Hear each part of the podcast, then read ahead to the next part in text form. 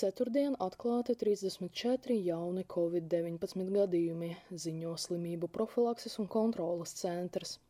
Miris viens cilvēks vecumā no 70 līdz 79 gadiem. Kopā diennaktī veikti gandrīz 7000 testi. Pozitīvo gadījumu īpatsvars zem 1%. Stacionēti deviņi pacienti ar covid-19.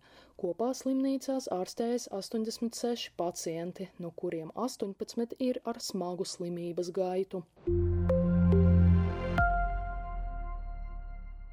Vakcinācijas aptvere senioru vidū ir ap 40%, un tas ir biedējoši maz, teica intervijā Delfi TV ar Jāni Domburu, veselības ministrs Daniels Pavļuts.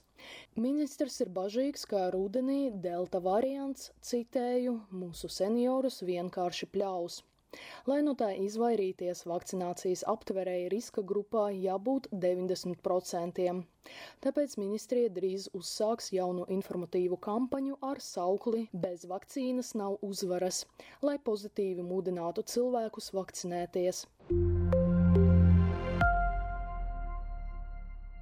Latvijā apspriež obligātas vakcinācijas ieviešanu.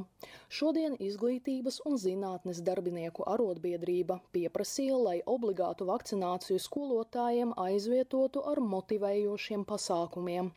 Arotbiedrība iestājas pret ierosinājumu atļaut darba devējiem atlaist darbiniekus bez COVID-19 certifikāta, kā arī pieprasa apmaksāt Covid testus tiem, kuri nevar vakcinēties dēļ veselības stāvokļa.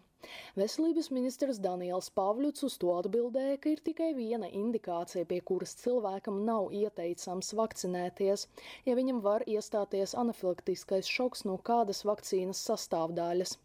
Kopumā arotbiedrība izvirzīja 13 prasības, tajā skaitā informēt skolotājus par vakcinācijas aptvere skolēnu ģimenēs un sniegt kompensāciju, ja vakcinēts cilvēks smagi saslimst ar covid-19.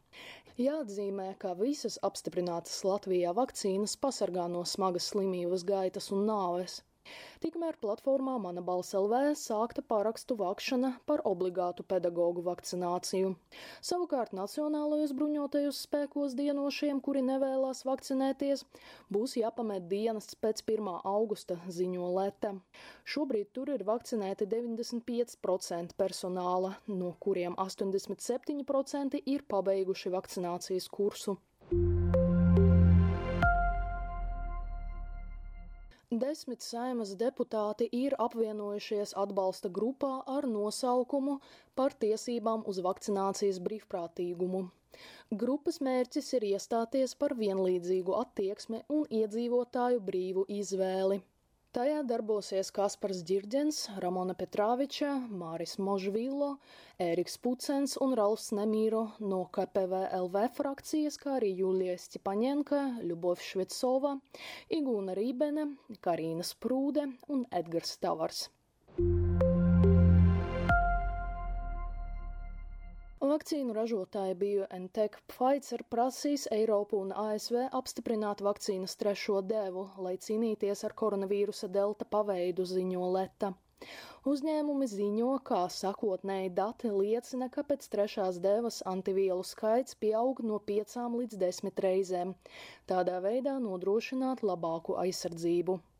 Covid-19 dienas apskatu sagatavoja Ksenija Kaļiesņikava, portāls Delfi.